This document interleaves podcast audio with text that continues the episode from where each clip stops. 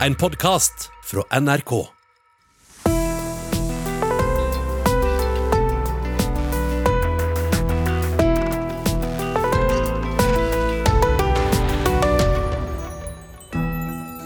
Er han influenser eller kronikkskribent? Kjendishore eller ung mann med palestinerskjerf og en politiker i magen? Er han James Bond eller Jane Fonda? Den mannen som har greid å fornærme selv tøffe tøflus var bare 19 år da han første gang hylgråt og knuste flasker i hodet på folk på kamera. Mitt navn er Hilde Sandvik, som hver dag i påsken inviterer en gjest som kan skinne om kapp med appelsinen. Og i dag sitter jeg her sammen med han som nå rager ett hode, i alle fall et halvt over resten av kompani Lauritzen. Men hvorfor bruke så mange ord når det kan sies så enkelt som dette? Han er heit! Han er prektig! Og han har aldri bestått noen form for høyere utdanning! Jeg gir dere Morten Hegseth! Velkommen, Morten. Takk. Det er den kuleste introen jeg har hørt noen gang om meg sjøl. Jeg skal komme til å ta ut det lydsporet og sette det som ringetone. Takk for at du ville være her. Jeg vet det var ikke så enkelt. Det, nei, vet du hva? Ironisk nok så har det i den siste tida med covid vært eh, ganske travelt. Eh, det har vært mye jobb. Jeg og Vegard som jeg jobber sammen med, har reist Hva, litt he, Vegard Harm må sies. Vegard Harm. Eh, Norges eh, nye Aud Schønemann, som jeg pleier å kalle han. Eh, vi har reist litt rundt og hatt litt sånn koronavennlige show. Blant annet i din by Bergen eh, og Tromsø. Og så skulle vi egentlig til Trondheim nå og gjøre det, men så kom Bent Høie og sa nei, det kommer ikke på tale på. Men altså denne introen, jeg må bare si det aller først, den kule introen der fra Love Island. Eh, Jeg syns din var kulere, Hilde. Ja, men altså du har vært programleder på Love Island. Riktig. Og uten forkleinelse, jeg mistenker at det finnes lyttere der ute som ikke aner hva Love Island er.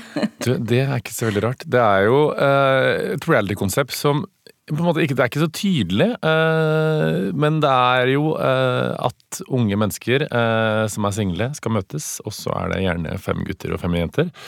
Og så må de velge, velge seg par, og de som på en måte ikke blir valgt eh, som liksom i par med noen, de ryker. Så det er på en måte, du må hele tiden ha det i gang og liksom ha en flørt på gang. Og så blir man utfordra underveis med fristelser i form av mennesker som kanskje ligner på deg, som er penere enn deg, eller mennesker, som ligner på deg, som er kulere enn deg, og så handler det på en måte om å holde fast i eh, den kjæresten man har der inne, og de som folket har mest tro på, eh, som de stemmer fram, de står igjen til slutt. Og det Dette er jo høres jo ut som selve livet. sjølve livet. eh, Og det er jo på en måte et gigantisk format i Storbritannia.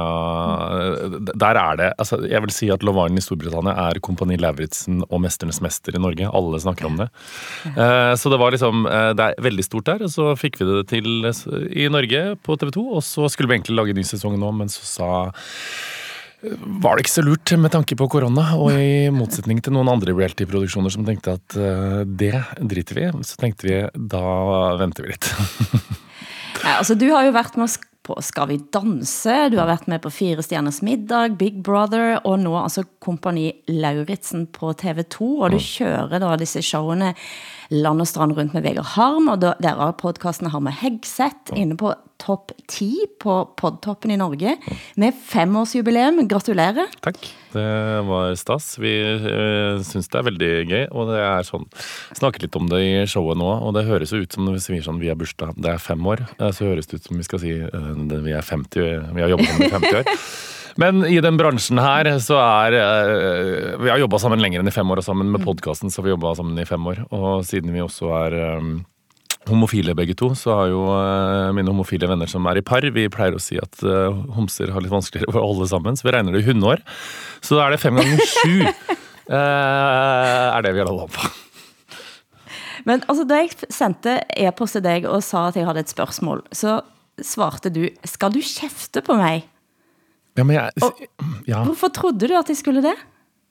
Eh, f- Først og fremst fordi at eh, jeg er ganske fan av podkasten din og syns du er veldig smart. Og så lever vi jo i en tid hvor folk er ganske hissige for alt sammen. Senest i går så la jeg ut Jeg ble utfordra av Ina Wroldsen i en sånn litt teit Instagram-challenge. Legge ut eh, fem fakta om deg sjøl som folk ikke visste. Og en av de skrev jeg sånn Jeg er veldig glad i kaviar, men jeg takler ikke at den um, ligger i kjøl... Jeg klarer på en måte bare første delen av kaviartuben, så etterpå så må jeg kaste den, og det er jo forferdelig. Men jeg bruker sånne små kaviartuber, da, heldigvis. Men da, selv etter det, så har jeg nå fått 30 meldinger i dag at jeg må tenke på barna i Afrika, og at jeg er forkastelig og sånne ting. Så folk er ganske Det er Noen ganger så er det litt eh, hissig stemning, så man blir sånn ah, Hva er dette? Hva er det kaviartuben? For jeg, jeg, nei, jeg lurte jo på Jeg fikk lyst til å finne noe å kjefte på, og jeg har jo en innrømmelse å komme med. For første gang som jeg hørte podden deres, ja. Hamar Hegseth Jeg aner ikke om det var fire år siden, eller jeg, jeg aner ikke. Det var ikke jeg som hadde sett den på, for å si det sånn. Eh, jeg ble altså så irritert. Oi. Eh, og, det, og, og, det, var jo fordi at jeg hørte da to menn som bare sa litt gjetta i annenhver setning. Eh, og snakka om bare masse folk jeg aldri hadde hørt om. Ja. Og jeg bare tenkte sånn Forflatning og forfall. ja, det er lov, det. Men så, men så, var det jo det magic bullet, da. For da begikk du en kronikk eller to, eller kanskje tre, og plutselig så var jeg bare sånn Ai, men dette er jo interessant. Så hyggelig. Og, det, og, du hadde sånne setninger som flere norske kjendiskvinner bør skjønne at barnet deres ikke har samme funksjon som en Chanel-veske. Ja, det stemmer. Det var barnesponsdebatten, det. Ja, det, uh, som jeg skulle sagt det sjøl, tenkte jeg. ja, det var, eh, det var, en artig liten debatt. Det, litt, eh, det har vært mye, det. Både kjendisspons og Dubai-reiser og ja. ulike ting. Og det, jeg tenker at det er litt viktig å kjefte på ting man gjør i bransjen, og på seg sjøl. Jeg er jo ikke noe bedre på så mange områder, jeg heller. Men det, du skrev òg norske kjendiser jobber beinhardt for å fremstille en av verdens mest kvinne- og og homohatende feriedestinasjoner som et likestilt luksusparadis. Det er jo en ganske nydelig setning, da. Ja, det, det er ikke den verste setningen jeg har skrevet. Det, det er jo Dubai, og det, jo, det, irriterer meg jo fremdeles. Og det, var ganske kult, fordi den debatten der den ble ganske stor, og vi kjørte liksom Jeg fikk med de jeg kritiserte på en debatt på Ingensteds i Oslo, og NRK dekte det på Dagsrevyen og sånn, så det var, det var, en fornuftig diskusjon. Og etterpå eh, så kom det ganske mye greit ut av det. Flere av de som hadde reist dit, eh, angra seg litt og sånn. Og den, uh, og den kjeftete delen av meg der, som egentlig har vært eh, ganske viktig for meg i den jobben jeg har for å opprettholde en viss balanse i liksom karmaøkonomien, skulle jeg til å si. den ble jeg Mista jeg litt etter hvert på et tidspunkt for noen år siden, fordi Eh, jeg begynte, liksom, jeg begynte å få så mye kjeft sjøl, og begynte å få Det var liksom den der cancel og woke-kulturen og sånne ting. Så begynte jeg å tenke sånn Men faen, alle de jeg liksom henger ut, stakkars de, og så ble jeg feig, og så begynte jeg å tenke sånn Er jeg blitt feig, eller er jeg blitt nyansert? Men nå så prøver jeg å finne tilbake til ja, eh, den personen. Og det ene alene Jeg har en tendens til å bli veldig inspirert av enkelte ting. Og den eh, fikk jeg, for jeg leste en bok av Jane Fonda i fjor eh, som heter for What Can I Do? Som handler om liksom Jane Fondas hva skal jeg si for noe, eh, Når hun på en måte ble interessert i miljøkampen altså Jane Fonda har jo vært den råeste råtassen hele tida. Og hun som 90-åring ble arrestert i rød kåpe utenfor Washington hver fredag pga. noe. Så tenkte jeg sånn fy faen, for en bra dame. Det er viktig å tørre å si hva man mener. Så takket være Jane Fonda så jeg liksom prøver jeg å finne tilbake ja. til han. Jeg, jeg, kunne tenke jeg skulle håpet at Kari Jakkesson heller hadde blitt litt mer Jane Fonda, men det er kanskje noe det hadde vært noe eh, hvis Kari Jakkesson hadde blitt Jane Fonda. Eh, jeg tror kanskje hun ser seg sjøl som en slags eh, Jane Fonda, eh, men eh, ja, det hadde absolutt vært noe, det. Men dette snakket du altså om eh, på den siste podkasten med din kompanjong Vegard Harm, mm. og der kom dette. De periodene jeg har det dårligst med meg sjøl, er de periodene jeg spiller på veldig mye av det som jeg veit at innerst inne er den jeg egentlig ikke har lyst til å være. Mm. Og Det var det som jeg leste den Jane Fonda-boka rett før jul, som var What do when I burn the brass? Ja, som handler om at hun arrangerer miljømøter hver fredag og sånne ting. Da husker jeg bestemte meg før jul, så er jeg sånn Nå skal du tørre å si ting. Du skal tørre å være den du egentlig er. Du skal ikke bare sitte der og si sånn «Eh, Nei, men Isabel Ran er egentlig en kjempefin jente. Så jeg kan gjøre det òg, men jeg, da bestemte jeg meg for Si det du mener mener, stå litt for det du mener, og det har jeg faktisk tenkt på litt etterpå. Og det er jo selvfølgelig min forventning eh, til at du skal si nøyaktig det du mener i løpet av eh, den, eh, de lover. timen. Ja. Jeg lover.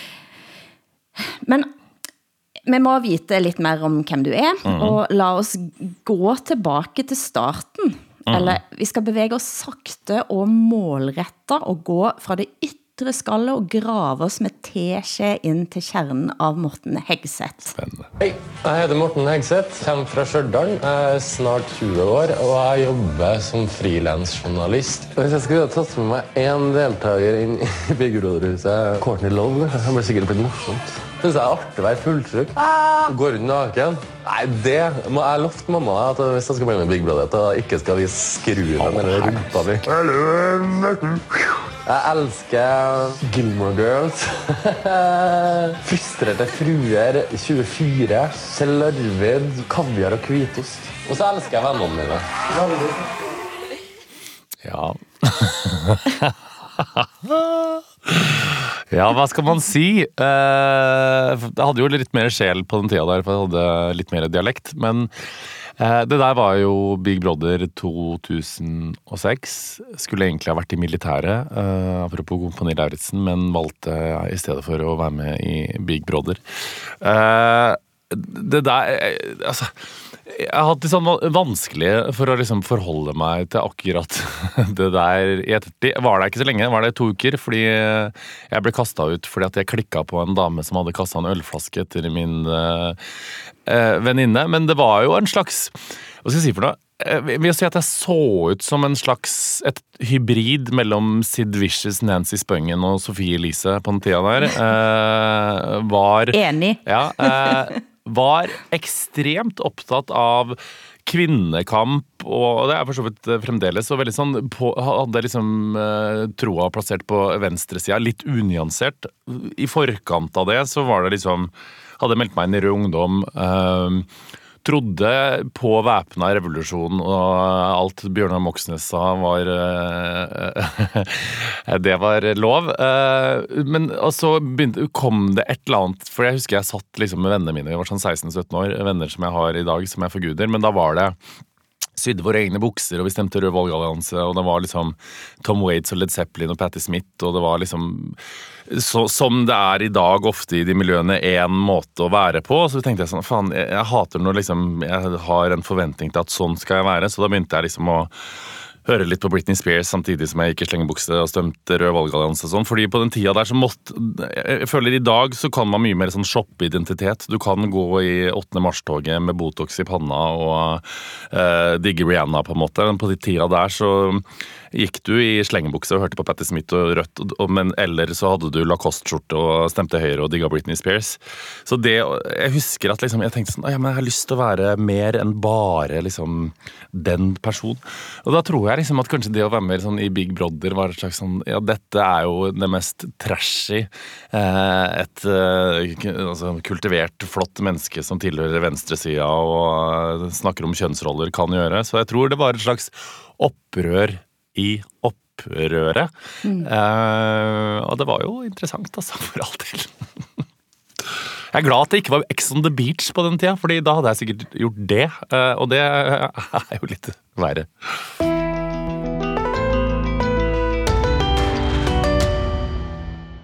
Du hører på Sammen med Sandvik, og den som er her sammen med meg i dag er Morten Hegseth, allestedsnærværende kjendisspaner.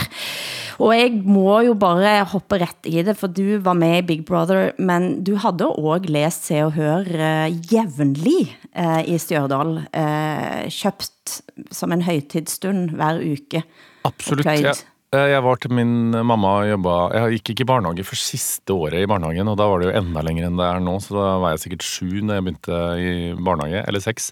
Så fram til da så var jeg til en dagmamma, eh, som var da tante Mari, som var mamma sin tante, og hver tirsdag så hadde mamma lagt igjen Mener det var 30 kroner da òg.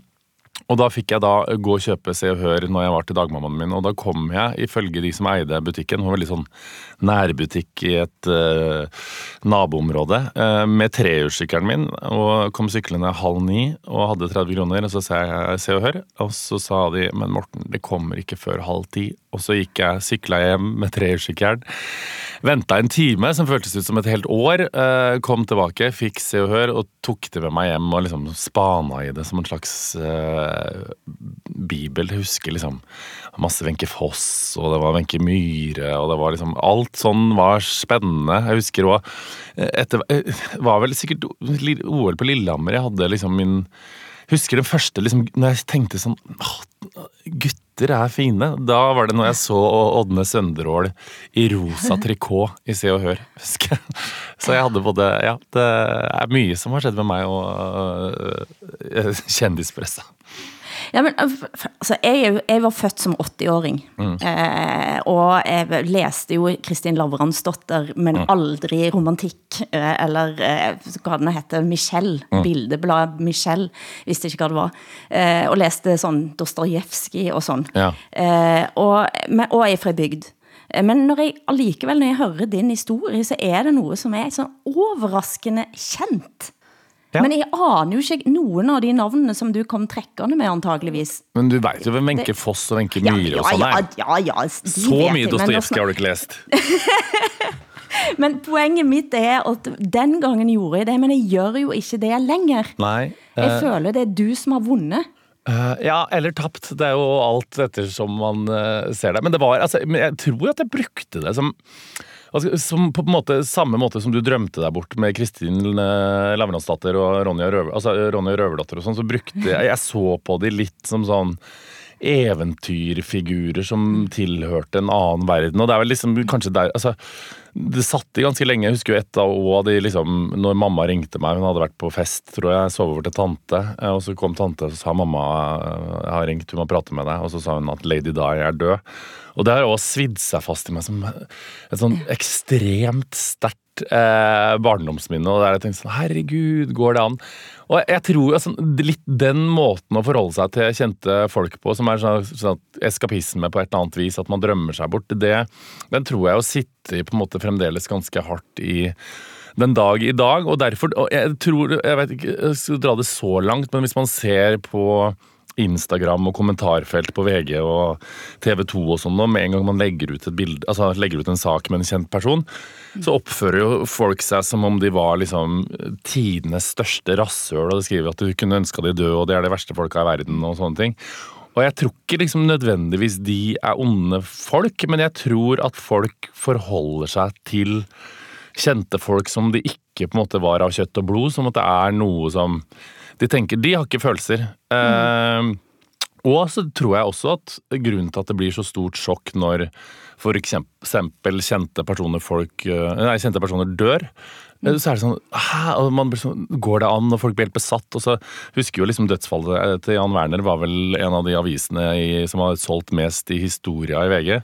Og det, er, det blir så stor interesse rundt kjendisdødsfall, og det jo tror jeg er et eller annet med sånn skal ikke si at folk ikke tror at tjenester kan dø, men det er et eller annet med at liksom, det er noen brytning i når de, sånne, sånne menneskelige ting skjer, for at er, de tenker på dem som sånne fantasikarakterer.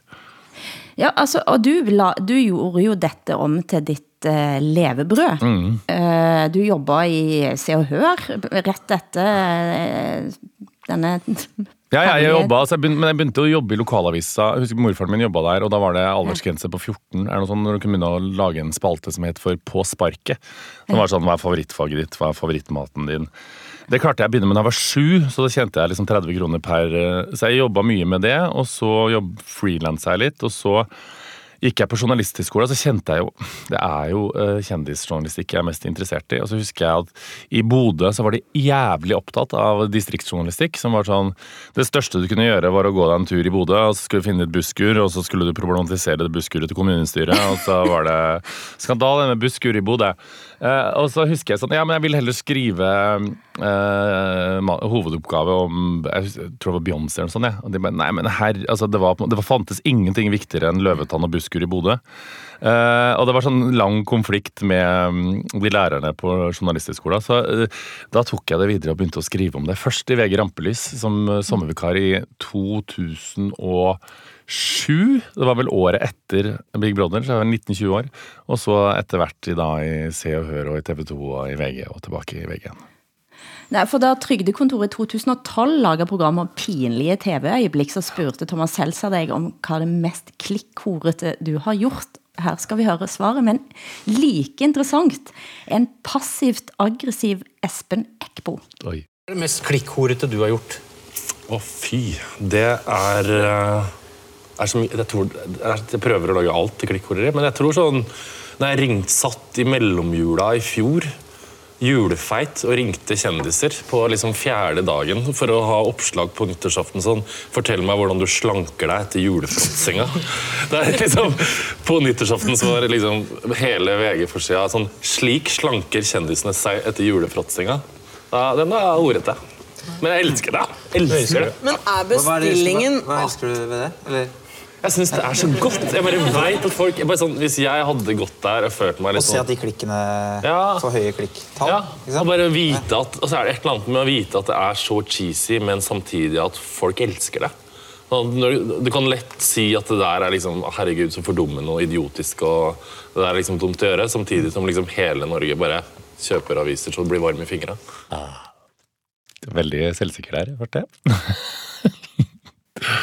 ja. Men hører du hvor eh, Ja, ja, småaggressiv Espen Eckmo Ja, er ja, han bare var du med det. Uh, din dritt. Uh, og jeg kan jo på en måte skjønne han, et menneske som sitter og forsvarer slankesaker med kjendiser i eh, 1. januar eh, så hardt, men det er Jeg husker det er ikke, Jeg er ikke så mye sånn i dag, men jeg husker at jeg liksom elska å lage de sakene der som folk liksom leste som faen, som folk tenkte sånn, nei, det der var teit. Og når jeg jobba i Se og Høre så var det veldig mange som du, Der var det ganske ekstremt, for det var rett etter Håvard Melnes og Mette-Marit og mm, Espen og Høiby, eh, ja, eh, saken, og da var det litt Det var på den tida det var litt sånn skam å være i Se og Hør.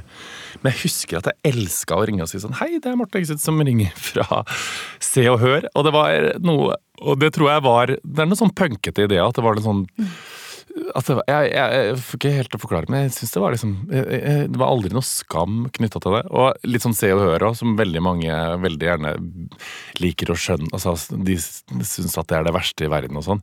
Jeg skjønner jo fremdeles ikke det, for er det et magasin som sier 'hei, kjendis, her kan du få masse penger, vi kan skrive den saken, og du kan skrive den sjøl'. Jeg syns jo ikke Se og Hør er så Man vil veldig gjerne framstille liksom kulørt presse i Norge som like ille som liksom Storbritannia, men eh, vi er ganske heldige, altså. Men altså, jeg la merke til at du sa noe der på trygdekontoret om janteloven, husker du det? Oi, oi, oi. Nei, jeg håper ikke jeg forsvarte Eller jeg håper ikke jeg Nei, nei du, du, du, kan jo, det var, altså, du sa at folk som sitter, og, sitter og utleverer seg på, selv på TV, på en eller annen måte, er det med å bryte ned janteloven. Hæ? Og det, det som ble sagt er at janteloven faller er pute-TVs vekst. En god, typisk Thomas Seltzer-teori. Men jeg syns jo òg janteloven har vært liksom eh, Hvis du ser på norsk medieflora i dag, hvor mye som får slippe til, og hvis vi mener at janteloven er så sterk at vi ikke liksom lar noe blomstre, så tenker jeg at eh, janteloven er en fin muskel, eller et fint filter, for å regulere vekk det verste. Eh, så jeg Du tenker at sa det den gangen også. Du sa janteloven filtrerer ut så mye dritt, sa du. Ja, det er fint, det. Mener jeg det fremdeles. Det er deilig å vite. Greit å vite at du har en kjerne der inne. Det er fint. Noe stabilt, så det er deilig å vite. Men altså, du er jo blitt eh, kjendis sjøl. selv. Eh, og jeg har hørt rykter om at din mor ringte lokalavisen og fortalte at det var slutt med kjæresten en gang. Ja, altså hun er jo, altså Jeg og min mor er jo uh, helt uh, like. Vi er sånn som føler hverandre fra Trondheim til Oslo. og sånn. Jeg følte at det var noe jeg, det ringte meg. og sånn, så vi er liksom, Og vi er nøyaktig like nysgjerrige. og Hun jobba jo i lokalavisa i alle de år. Som jeg har pleid å si resepsjonist, men det er på en måte ikke helt rettferdig. Hun gjorde egentlig alt. eh, Og da, Hun tipsa jeg om uh, saker. altså Det var liksom alt fra sånn Hvis jeg skulle hoppe fra timeteren med Alexandra Joner og uh, i en spalte på TV 2 ettermiddagen, så plutselig ringte de for å høre altså Det er ingen som får tips om at man skal hoppe fra en timeter med en Alexandra Joner. Uh, og så var det òg en gang vi krasja Jeg og broren min skulle på påskefjellet, og så var vi over, på vei over fjellet, og så var det veldig snøføyke, så vi hadde ikke noe sikt. Og så plutselig var det en front mot front-kollisjon. Og der ut av den andre bilen som går Den tredje, altså ikke broren min som sitter i bilen, men den andre broren min. Og så ringer jeg til foreldrene mine og sier vi har vært i front mot front-kollisjon. Så hører jeg mamma bekymra. Ja, ja, mm, ja. Ja, men legg på. Og da tar det eh, ti sekunder, så ringer lokalavisa så sier de vi har fått en tips om at du har krasjet med broren din på påskefjellet. Og jeg bare jaha. Og så legger jeg på, så ringer jeg har du tipsa om det. Og så sa gud, de er sjefer av overskrifta. Da møtte broren med et smell på påskefjellet. Så hun er en god momager som passer på. Men altså, det er eh, nesten ti år siden du satt der på trygdekontoret, og i løpet av den tiden, altså dette var jo på et vis Pute-TVs eh, kanskje heyday, Ja, med ja, ja. jakten på kjærligheten videre. Men det har jo sauset seg kraftig sammen, for nå er rødt politiker Mimir Kristiansson på Farmen kjendis. Ja, det er så gøy, det. Og en annen Farmen-kjendis som jeg også snakka med i- denne påsken, Øde Nerdrum, han leser altså Wergeland-dikt på, på, på TV. Høykultur og lavkultur er i ferd med å møtes. Og det her jeg har begynt å skjene ifra når jeg sto der på badet og ble innsausa av Harm og Hegseth inn i øregangene og ble irritert. For jeg tror faktisk det er du som har fått meg til å lese Sofie Elises bok Ting jeg har lært, for eksempel. Og den er jo faktisk overraskende bra. Jeg syns den er veldig bra. Hun skriver eh, veldig, veldig godt. Hun er jo eh, hun er, altså, Jeg skal sies at jeg er venn med Sofie Elise. Hun er jo, det er jo det som er med henne, at eh, hun er så jævlig skarp og skriver så jævlig bra. Og så får hun femmere og seksere for bøkene sine, og så tar det to dager, så går jeg på Instagram og prøver å selge Ritz-kjeks med puppa sine, og så får jeg kritikk. Eh, så hun, hun er er, eh, ja, hun er jo en veldig sånn mm, person som Og det veit hun jo veldig godt sjøl, at man, hun er en person man aldri helt klarer å sette i bås. Plutselig blir hun hylla, så blir hun hata, og så gjør hun det ene, og så gjør hun det andre. Og det syns jeg jo er litt spennende. Jeg liker jo mennesker som ikke ikke følger en forventa mal til hvordan du skal være. Selv om det jeg aldri i mitt liv hadde orka å stått i de stormene som Sofie Elise gjør noen ganger. Og jeg er jo uenig med henne på enkelte ting òg. Og du er ikke gull-Ken. Nei, nei, nei. Eh, men, og jeg og Sofie kan være. Jeg er ganske uenig med henne i enkelte ting, men det tenker jeg litt sånn eh, og det er litt sånn i Norge i dag òg, sånn, spesielt hvis du liksom er, har et eh, navn eller er et kjent ansikt, og hvis du på en måte da er venn med noen, så eh, overføres de verdiene til deg. Men er, jeg har jo dødsmasse venner fra gammelt av og fra i dag som jeg absolutt ikke er enig med i alt sammen, men det betyr jo ikke at jeg er noe mindre liksom eh, liker den noe mindre av den grunn. Jeg syns det er spennende at man har eh, personer som At man i sin krets man ikke alltid er 100% enig med. Selv om jeg er enig med masse.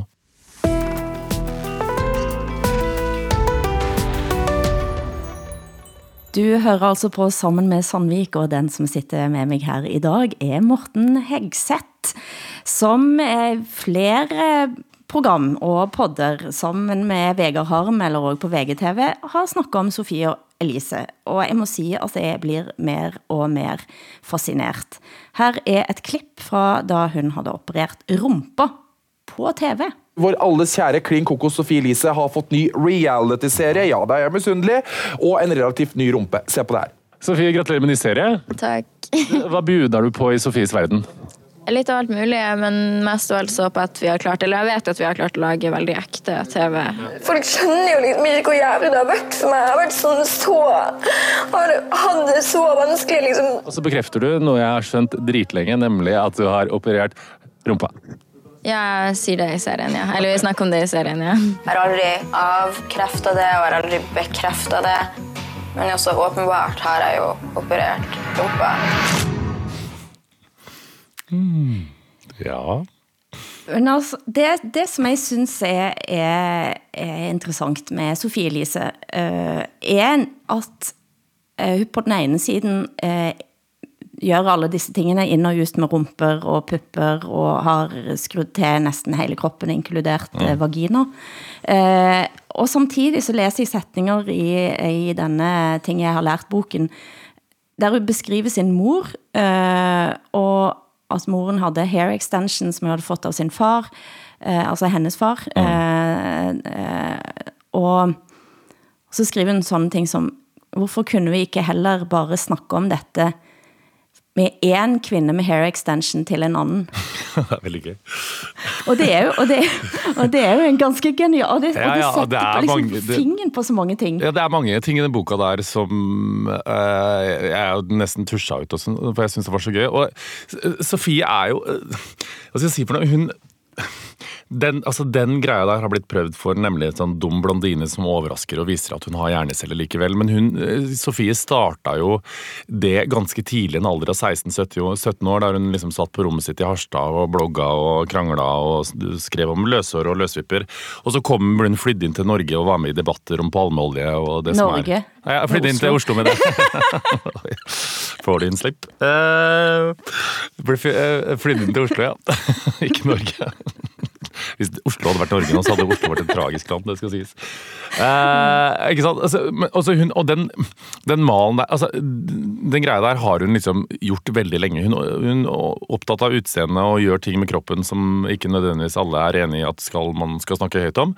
Eh, kan jeg også være uenig i. Og så er, hun sylskarp og intelligent og skriver dritbra bøker. Og du, du ser jo at den Sofie Elise-greia har norsk reality-TV, eksempel. Um, det er jo den fremste sjangermalen nå, er at de skal finne eh, ung jente som folk tror er dum, som overrasker at hun har emosjoner og intellektuell kapasitet. Og det er liksom, Hvis du ser på castingbransjen i Norge i dag, så har liksom Sofie Elise en rolle i alle TV-produksjoner nesten, fordi de tenker at det er veldig genialt. Og det var jo hun som starta. Og jeg syns jo det er noe fint at man ikke liksom nødvendigvis trenger å ha liksom eh, blomsterkjoler fra oldemorskap og kviser og ikke bry seg om utseendet for å kunne skrive en god bok og tørre å stå i en debatt, men at du også Det går også fint an å ha Uh, rumpe fra Tyrkia og uh, hår fra uh, Kina og gjøre de samme tinga. Det syns jeg jo er artig at det går an. Jeg syns Sofie på mange Jeg syns det er noe rockestjernete over at man gjør det. Og så kan man selvfølgelig være uenig, som jeg også er i veldig mange andre punkter, men en sånn massiv Fordø... Altså, det er noe med, Jeg snakka med Sofie litt om det der, og det er, sånn, det er noe med kvinner og hvordan liksom, kvinner i offentligheten har et så jævlig mye trangere rom enn hva menn har. Og det, sånn, Et godt eksempel på det er jo som jeg har malt opp før flere ganger, er sånn hvis du setter George Clooney og Jennifer Aniston opp mot hverandre, så er det ganske sånn konkret eksempel. Det er egentlig to ganske like mennesker. Det er eh, ekstremt pent, talentfullt, steinrikt menneske som har vært singel i alle sine gode dager og spilt i de største filmer og serier. Det er eh, både Jennifer og George Clooney. George Clooney har vi alltid sett på fram til han møtte Amal Clooney, som selv, altså Vi har tenkt sånn at selvfølgelig altså, Hvorfor skal han liksom sitte med sutteklut og skitne bleier når han kan vasse i eh, fitte og reise verden rundt? Selvfølgelig gjør han det, for en alfa han. Og så har vi sett på Jennifer Aniston, som egentlig har levd det samme livet. Vært singel og uh, hatt det helt rått. Hun- Altså, det fins Altså, sikkert milliontalls avisforsider med overskrifter som 'Sad Jennifer Aniston', 'Hva er gærent med Jennifer Aniston', 'Hvorfor finner hun aldri den store kjærligheten'? Hun, det er noe trist og tragisk over kvinnene, mens mennene, de, eh, hvis de lever et liv som ikke er forventa av dem, altså med mm, stakittgjerde, hus, barn og mann, det er noe trist og tragisk. Hvis en mann gjør det, så er det noe fritt og fantastisk over det. Og det er litt sånn det er noe med de rommene for kvinner som er så trange. Og det er litt sånn eh, ting jeg engasjerte meg litt i, og er Caroline Flack, som var programleder for Love Island UK, som valgte å ta livet sitt i eh, Jeg var i fjor. eh, Etter masse som skjedde, og hun mista jobben og sånne ting. Og der ser man òg at henne at rom, altså, rommet for en kvinne i 40-åra som ikke liksom slår seg til ro, og som jakter kjærligheten eh, liksom hele tida og får nye kjærester og sånn. Hun har man alltid hatt lyst til å ta. Det har alltid vært sånn Hva faen feiler det henne? Og man har kritisert henne ut altså, i, på helt ekstreme måter og metoder. Mens menn som lever de samme liva, de tenker man sånn kjør på. Det er noe med at det er litt sånn Man må passe seg for å liksom ikke liksom eh, kritisere kvinnene fordi at de lever et liv som ikke nødvendigvis er tradisjonelt. Ikke alle kvinner trenger å være som sin mor, og det tenker jeg, tenker jeg at det skal være aksept for.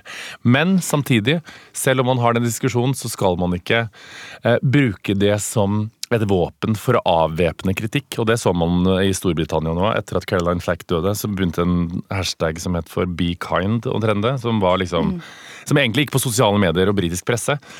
Fordi at de noen ganger ødelegger menneskeliv. Og så ser man at unge mennesker som reiser til Dubai midt i en pandemi og sprer smitte, de blir konfrontert, og så sier de hashtag 'be kind' for å avvæpne all kritikk. Ja. Det skal man ikke gjøre. Det mener jeg ikke. Men man må liksom være litt bevisst på hvorfor man kritiserer. Ja, og det, og det er noe av det som jeg vet at uh, du har uh, blant annet snakket med Sofie Elise om på Ja. hennes podcast. Uh, og noe av det jeg bet meg merke i der var at hun sa på et tidspunkt at jeg orker ikke å være sånn businessdame som er på den samme måten hele veien, og så sier du, ja, så prøver du å selge noe den ene dagen, og så plutselig den andre dagen så står du og flakker, og flasher puppene og, og eh, er full og spiser kebab. Ja. Eh, eh, og, og det er litt sånn deg i Big Brother, 19 år, sitt vicious hår, og, og liksom det der med sånn, jeg orker, jeg orker ikke de der rammene. Eh, og, og det er jo noe med offentligheten nå, at vi setter så ekstremt konkrete og smale rammer for, for alle. Ja, og der altså- kommer også det der krenkelsesgreiene inn. Ja, der kommer krenkelsesgreiene inn. Og jeg tror òg at man, man har så behov for å sette folk i bås, og man har så behov for å liksom ramme inn ting. Og det er sånn, hvis man ser på, Nå drar jeg det veldig langt, da, men hvis du ser på selvmordsstatistikk i forhold til seksualitet, så er jo de som sliter mest med depresjoner og psykisk helse, og som tar flest selvmord, er jo bifile kvinner og menn. Eh, og det er jo, det tror jeg også er at på, på, på måte bifile har man på en måte aldri egentlig helt anerkjent. Man sier sånn ja ja, bifil. Det er vel en sånn pitstop på vei mot gayville som en slags unnskyldning for å liksom ikke bli eh, båsatt av samfunnet. Men du ser jo at man klarer ikke å forholde seg til bifile fordi at de på en måte befinner seg Fordi at folk vil ha folk inn i en boks. Vær sånn. Oppfør deg sånn. Sånn skal det være. Og jeg tror at liksom akkurat den der å bevege seg utenfor boksen og eh, reglene for hva som er forventa av deg, det, hvis man ikke gjør det, så kan det skape ganske mye eh, reaksjoner, selv i 2021 hvor eh, det meste skal være tillatt. Jeg kan sjokkere deg med en kjendisreferanse. Eh, Madonna ble spurt av en legendarisk, eh, selvfølgelig glemt navnet hans da, en eller annen TV-intervjuer, eh, om eh, at eh, sånn, du holder på med den dansingen når du er blitt så gammel. Ja, ikke sant? Klassisk spørsmål. Ja, ja, klassisk spørsmål. Eh, og så svarte Madonna, don't frame me. Fantastisk. Det er et ganske fint, fint, fint begrep. Men denne her, dette behovet da for å røske ut og, og, og, og så kan jeg si at det er jo masse, det er jo penger i for Sofie Elise eller for Ja, ja, andre ja, for influensere, så er det jo masse penger i å, å gråte på TV, eller hva det måtte være. Ja, ja. Og, og hvorfor er det det da? Hva tenker du på? At det er penger i Nei, altså at det er å, å, å, å på en måte å, å gråte og unnskylde seg og den ene dagen og, Ja, så bryte det ut i noe annet den andre dagen. Og, Og det, er, måte, det kan jeg være ganske kritisk til. At man på en måte den ene dagen skal kjøre på og tjene masse penger, og så skal man etterpå være på en måte lei seg og si at sånn, ja, men dette er på en måte bare en privatperson. Og det, på samme måte, samme tankegang har jeg også eh, og ting, ting jeg har sagt sjøl som kan være i den gata. Og det liksom, det syns jeg folk skal være litt sånn påpasselige for, fordi eh, det er noe med at man Og det er litt sånn jeg si for noe? Når jeg så på eh, Meghan Markle bli intervjua av Oprah Winfrey, som var sånn eh, Som var et fint intervju der hun snakker om kongehuset og sånne ting. Og hun var bare en naiv liten jente som kom inn i det britiske kongehuset. Og hun var så søt og god og så ble jeg sånn Ja, men jenta mi. Mm. Eh, Ja, det, og det, og det er jo litt sånn eh, Hadde du, hadde du eh, sett The Crown, hadde jo vært én ting. Men altså, du bør jo liksom vite litt altså, om den familien du involverer deg i. ting altså, Så du for deg at du skulle sette deg inn på et hendateppe og fingerhekle med dronningen? Liksom? Altså, eh, det er noe med den sånn at det, det, det, nå fikk jeg et bilde i hodet. ja, ja.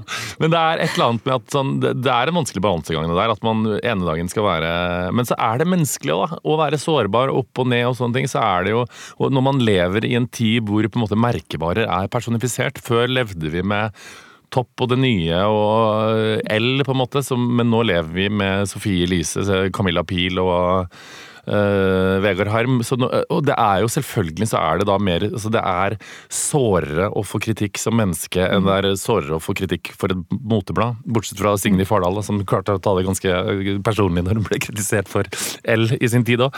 Men altså, altså, jeg syns ikke det er noe rart at liksom, man sier det, men at folk finner det problematisk, det skjønner jeg veldig, veldig godt. Og det er jo også uh, altså det, Ja, det skjønner jeg ganske godt. Men altså, det har jo skjedd noe med, med samtalen på bare de årene du har vært ute i offentligheten, og siden 2006 da. Eh, og nettopp dette at eh, man liksom er offensivt ute, og så blir en krenka. og du har krenket selv tøffe Tøflus. Ja, eh, det har jeg gjort. Det var en sluttspurt på en krenkefest i desember 2019, hvor det ene og det andre mennesket hadde blitt krenka for et eller annet, og foreninger, og det var ikke måte på. Da ringer rett før jul NRK P3 og sier eh, tøff, tøffe tøff, Tøflus er kritisert for at du har sagt at eh, han er en stygg tøffel, og at du er et dårlig forbilde. Hva har du å si til dette? Det var et ganske gøy påfunn av P3, egentlig. Men det var eh, en sånn solid eh, punktum på en tid hvor jeg tenkte sånn Nå går det ikke an at eh, folk blir mer hysteriske. Men det gikk an, det òg. Men du har jo en masse lyttere eh, som er i eh, yngre generasjoner. Mm. Og min, mitt inntrykk da som eh, 50-åring er at en har en ung generasjon nå som tåler fryktelig lite. Og blir fryktelig lei seg. Og så får jeg litt sånn, åh, ja, men kan, når skal vi på en måte vokse opp da? Lurer jeg på. Ja, jeg tenker at det er ganske farlig at folk blir så krenka for ting. fordi at det gjør de liksom Jeg tenker sånn Den rustningen der mot eh, verden, den, da kommer liksom livet til å bli ganske hardt. Og jeg tror litt, Det høres veldig bestefar av meg ut å si det, men det er et eller annet med jeg tenker arbeidslivet òg. Når du er liksom vokst opp fra du er ung med liksom å få likes på å legge ut knekkebrødet ditt til frokost, og så kommer du inn i arbeidslivet og så tror du at du skal få likes og applaus for eh, den minste lille tinga, og så viser det seg å ikke være sannheten. Da tror jeg det kan bli eh, ganske røft. Og så ser du at eh, Hva skal jeg si for noe? Den bevisst altså det er liksom, Jeg tenker sånn den bevisstheten vi har oppnådd rundt enkelte temaer de siste åra, har vært kjempebra. Og jeg sjøl har lært masse av enkelte liksom, bevegelser. Altså BLM, for eksempel. Har, der ble jeg bevisstgjort på så mange usynlige rasistiske strukturer som har eksistert i samfunnet og i meg sjøl, for så vidt. Eh, Så jeg, altså, sånn, akkurat det tenker jeg er bra, men så, men så har det på en måte forplanta seg i absolutt alle andre liksom, temaer. For, altså, det er liksom Alle har sin kamp, og alt du, kan, alt du sier kan oppfattes som krenk. Og det har jo vært liksom Alt fra redaktører i lokalaviser til foreninger for folk med sykdommer til eh, senest i går hvor jeg sa at jeg kasta en kaviartube, hvor folk sa at jeg måtte tenke på barna i Afrika. Altså Det er liksom absolutt eh, Alt oppfattes som at man krenker enkelte folk eller ting, og det er en veldig det er et ganske van vanskelig landskap å navigere seg i når man lever av å si det man har på hjertet og tenke rundt litt tanker på det. Og akkurat eh, de greiene der ødela Jeg mener at det ødela podkasten til meg og Vegard i ett til halvannet år, fordi begge to var så jævlig nervøse fordi vi hadde fått så mye kritikk. Og så er vi følelsesmennesker begge to, så vi tar det innover oss og blir ganske liksom redde. Og ikke at det er noe synd på oss, fordi vi sitter jo med makt og kan si ting, vi også. Men så tu... Vi, tu jeg- vi var liksom Det halv- kjedelige av det, rett og slett. kjedeligere, og man ble liksom falskere versjoner av seg sjøl. Og så hadde vi en sånn femårsjubileum på podkasten nå i januar, der vi fikk høre sånn tilbakeblikk på ting vi har sagt og gjort og sånn, og ikke at det var så revolusjonerende, men det var sånn faen så modige vi var før. Og Vet du hva? Jeg hørte de, de klippene, og da tenkte jeg sånn, oi, oi, oi, oi, oi. Jeg det. Eh, oi, oi, oi. Uh, kan man si det var sånn som det veldig gøy. Eh, Det var veldig gøy. Ja, ja, jeg også syns det var veldig gøy. Men Her kan man si så, kan man Men det er jo alt mulig fra Orderud eh, til liksom eh, intimbetroelser, eller hva det måtte Ja, ja, ja, alt fra Orderud til Vendelas sexliv. Eh. Og det er sånn, her kunne man si sånn der.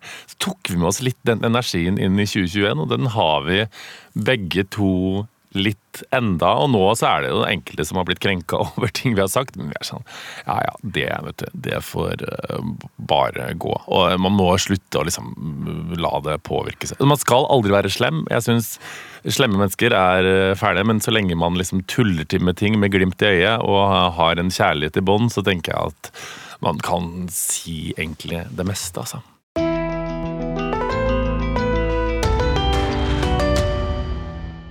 Du hører på Sammen med Sandvik. Den som sitter her med meg er Morten Hegseth. Og Morten, jeg sa innledningsvis at vi skulle grave oss innover. Jeg skjønte vel at jeg var homo da jeg var i tolvårsalderen. Og akkurat da jeg skjønte det, så følte jeg meg både annerledes og litt aleine.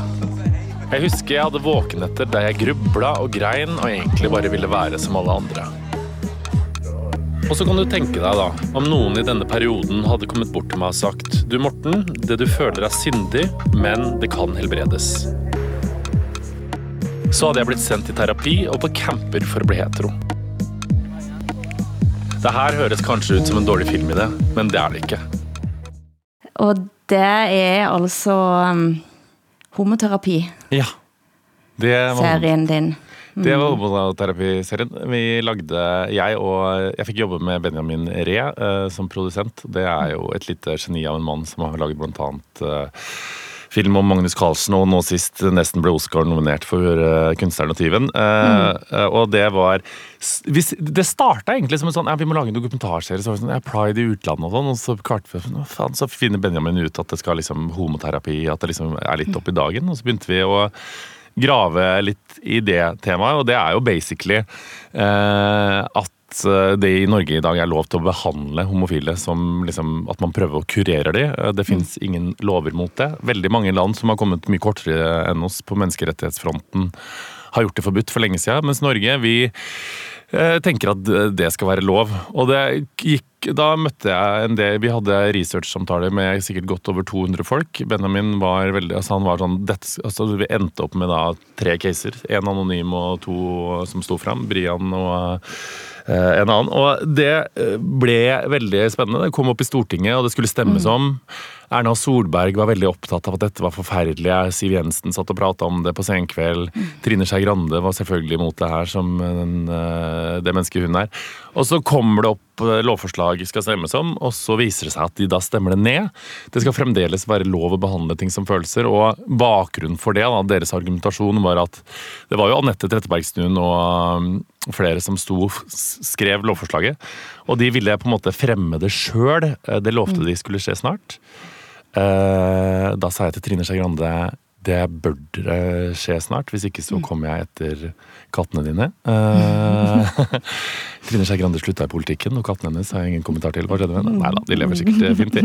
Men så altså, ble det glemt, og så kom det aldri opp. Og det er sånn jeg møtte Det irriterer meg, fordi det, det er så åpenbart at dette er liksom Altså, hva, hva, faen skal vi altså, Hvorfor skal vi liksom please liksom, mm. kristenfanatikere som mener at det er eh, riktig å kurere homofile følelser, som de sier? For de klarer ikke å anerkjenne det som en legning engang. Det er bare noen følelser som har gått opp som grums. Og eh, det var eh, Jeg, jeg kjenner at jeg blir forbanna av at eh, vi har en regjering som enda ikke har klart å prioritere det. Og de, altså de sier at ja, ja, dette er viktig, og sånn, men de gjør jo ingenting med det. Og det er, det er ganske fucka ja, det er ganske fucka ting. Altså, altså, det er sånn, De sender det til camper i England. Jeg prøvde å komme meg inn på en camp for å mm. gjennomgå homoterapi. Mm, fikk nesten plass, men så pga. presseetiske regler så kunne jeg ikke gå inn der, fordi da måtte man forfalske bakgrunnen og sånn. Mm. Eh, men det er ganske sjuke ting som skjer. Du skriver liksom navnet ditt på murstein, med homo under om å knuse den. Du får berekningsmiddel og blir tvunget til å se homo homoporno for at hjernen din skal huske hva liksom Da skal hjernen liksom koble nakne menn med noe kvalmt. Og det er eh, fremdeles eh, lov. Men det var jævlig gøy å jobbe med det prosjektet. Det ga meg masse energi. Det var spennende å jobbe med. altså. Nej, eh, et av argumentene til Erna Solberg er jo, som er et, et godt argument òg, ja. at det står opp mot religionsfrihet, og, og du kan ikke forby at noen sier jeg vil be for deg'. Men det du snakker om her er jo noe helt annet enn å si jeg vil be for dig. Ja, men med en gang du Jeg mener jo det at uh, homoterapi er med en gang at du sier at 'dette her kan jeg kurere', så driver du med terapi. Og eh, man skal huske på det at jeg er litt sånn, us, jeg er litt sånn usjarmerende selvsikker i egen legning. Jeg har aldri hatt noe problem med det, takket være nydelige foreldre og en deilig vennegjeng som hørte på Patti Smith og satt i slengebukser. Eh, men selv jeg, når jeg kom opp i det der, i samtaler med liksom pastorer og folk som dreiv på med homoterapi, så begynte jeg sånn ja, men du har jo et poeng. Pappa var fraværende far. Ja, pappa jobba på sjøen, ja. Mm, ja. Eh, for pussy mor. Ja, ja jeg hadde jo veldig tett forhold til mamma. Kanskje det er usunt? Mm. Så begynner du å liksom tenke sånn Kanskje det er noe feil med. Altså, Sjøl jeg i en alder av da 32-33 eh, klarte å begynne å tenke sånn Faen, men kanskje, kanskje, kanskje dette ikke er riktig. Det vel varte ikke så lenge, men se for deg da hva sånne liksom, eh, taler gjør med unge. Også, og de som oppsøker homoterapi, de vil jo ikke være homoer. De er jo i kristne miljøer der vi vil prøve å få disse tankene vekk. I stor grad, da. Det er jo selvfølgelig noen som blir utsatt for det ufrivillig òg. Men det er, jeg tror det er jævlig farlig, og det, man, altså, det er ikke altså, Det har jo WHO alle sammen sagt, at dette er ekstremt skadelig for menneskesinnet. Og jeg vet du er opptatt av eh, en annen side av dette også nå under pandemien. Du driver og leser en bok. Ja, det er eh, eh, håper nesten ikke Vegard Harm, min kollega, hører på, for han er så lei av å høre om det. Men eh, jeg er besatt av den boka, og den fikk jeg, ble jeg tipsa om også av eh, Vi var på en middag i sommer hjemme hos Ina, og hun sa at jeg burde lese And the Band Played On. Som er en murstein av en eh, amerikansk fagbok som handler om hiv- og aids-epidemien, eh, som jo begynte for alvor på 80-tallet. Og det å se hvordan eh, verden håndterer en pandemi som rammer minoriteter, sammenligna med en pandemi som eh, rammer majoriteten, det er ganske interessant. fordi det tok 16 år, altså 1996 var det store gjennombruddet for eh, og hiv-medisin. Det tok 16 år før man fant en medisin, fram til da så døde folk som fluer. Og i 1984, hvor hundretusenvis av livets glade gutter hadde dødd, og homofile hadde gått i begravelser som de hadde liksom skifta truser, skulle jeg si, eh, så var det skrevet 30 artikler om hiv og aids i alle landets største aviser i USA. Og man liksom trakk på skuldrene og sa sånn Ja, det er folk Det, gjelder, dør det gjelder ikke oss, liksom. ja, det gjelder ikke oss. Og det var Reagan som var president på det tidspunktet der, og han nekta jo å anerkjenne det. Han ga totalt faen i det, selv om homsene døde. Og, og, så, og den altså, dødsraten på hiv og aids altså, mm. altså Innen to år så var det 80% sjanse for at du hadde dødd hvis du hadde fått hiv og aids. Som de kalte for GRID. eh, Gay Related Immune Defi Deficiency. Som de trodde at det var liksom naturens lover for å drepe homofile. Mm. Og eh, de, altså, de, altså, da, altså, den døden der, altså, de ble demente, lungene fylte seg opp med vann, kreftsvulster i kroppen, de fikk liksom rotte altså, mm. Helt forferdelig. Selv, men så begynte de da, og folk døde, folk ga faen. Men så begynte vi tetrofil mann å få hiv etter hvert også, og da tenkte Ronald Reagan oi, dette må vi kanskje gjøre noe med. Og det var jo først da på en måte forskninga starta på det. Så det er ganske eh, jævlig interessant og veldig eh, provoserende å lese om eh, håndteringa av hiv- og aids-epidemien. Men først og fremst altså, også jævlig spennende å se hvordan Altså det, bare, altså, det med korona, det har jo en inkubasjonstid på noen uker, altså det, noen dager, noe, altså i verste fall en uke eller ti dager.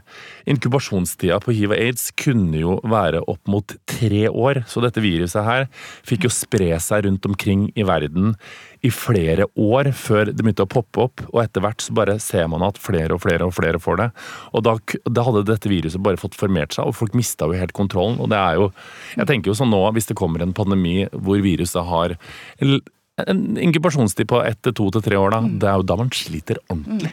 Og nå er det jo en, en liten runddans her, da, for nå det, har jeg sett en del eh, muslimske lærde, ikke i Norge, men uttale at eh, vaksinen eh, gjør deg eh, homofil. Ja, sånn, ja. Så nå, så jeg. nå, Jeg håper det blir det litt flere å velge i etter hvert.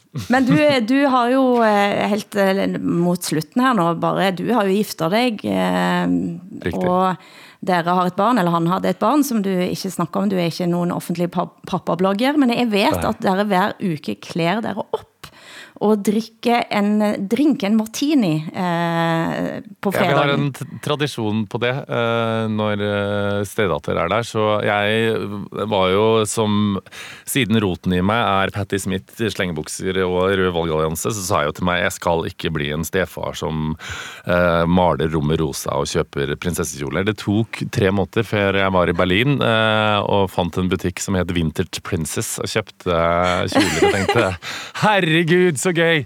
Eh, og begynte det kjøret. Og nå er det da tradisjon at vi Hun er ikke så opptatt av de kjolene enda, men nå har hun begynt på skole og sånn, men vi kler oss opp. Eh, gjerne Anders i en litt formell skjorte. Jeg tar gjerne på meg en glitrende leopardskjorte, og hun tvinges da til å ta på seg en eh, kjole. Hun vil det sjøl òg. Mm. Så får hun en barnedrink som gjerne består av eh, saft, isbit, drue og appelsin, mens vi drikker en dry martini, og så skåler vi Og så er helgen i gang. Så er helgen i gang. Ja, og nå er, jeg vet ikke om dere benker dere foran TV for å se på eh, Kompani Lauritzen, der du annet har sagt at eh, du ikke skal gi deg før, selv om din mor blir lam. Hun ville blitt lam uansett, som du sa det. Er Eller hun var... Jeg har et konkurranseinstinkt som altså, Jeg blir psykopat når jeg spiller kubb på hytta. Det er sånn Ikke treff kongen! Eh, så det konkurranseinstinktet er ganske hardt, ja. Nei, og, og det jeg har også hørt om deg der, og nå er det alt for kort tid til å snakke om det, men du kan få svare veldig kort på det. Ja. Fordi eh, eh, jeg vet at eh, du var i ferd med å få et sammenbrudd, og da tilkaller du TV-teamet og sier, nå bryter jeg sammen, kom her. Ja, Folk som fikk sammenbrudd, gjemte seg gjerne på tørkerom og under bjørker og sa 'ikke film meg'. Jeg tenkte nå kommer sammenbruddet, kakket på døra og sa 'nå tror jeg dere må intervjue meg'. Jeg tenkte at å sitte inne på Kompani Setnesmoen eh, konsentrasjonsleir, som jeg kalte det, og gråte eh, uten at det kommer på TV, det er ikke mye vits i. Så da sa jeg 'hei, intervju meg'. Det var siste ordet i dagen Sammen med Sandvik. Tekniker har vært Hans Christian Heide. Takk til Morten Hegseth. Mitt navn er Hilde Sandvik, og vi høres igjen i morgen til samme tid.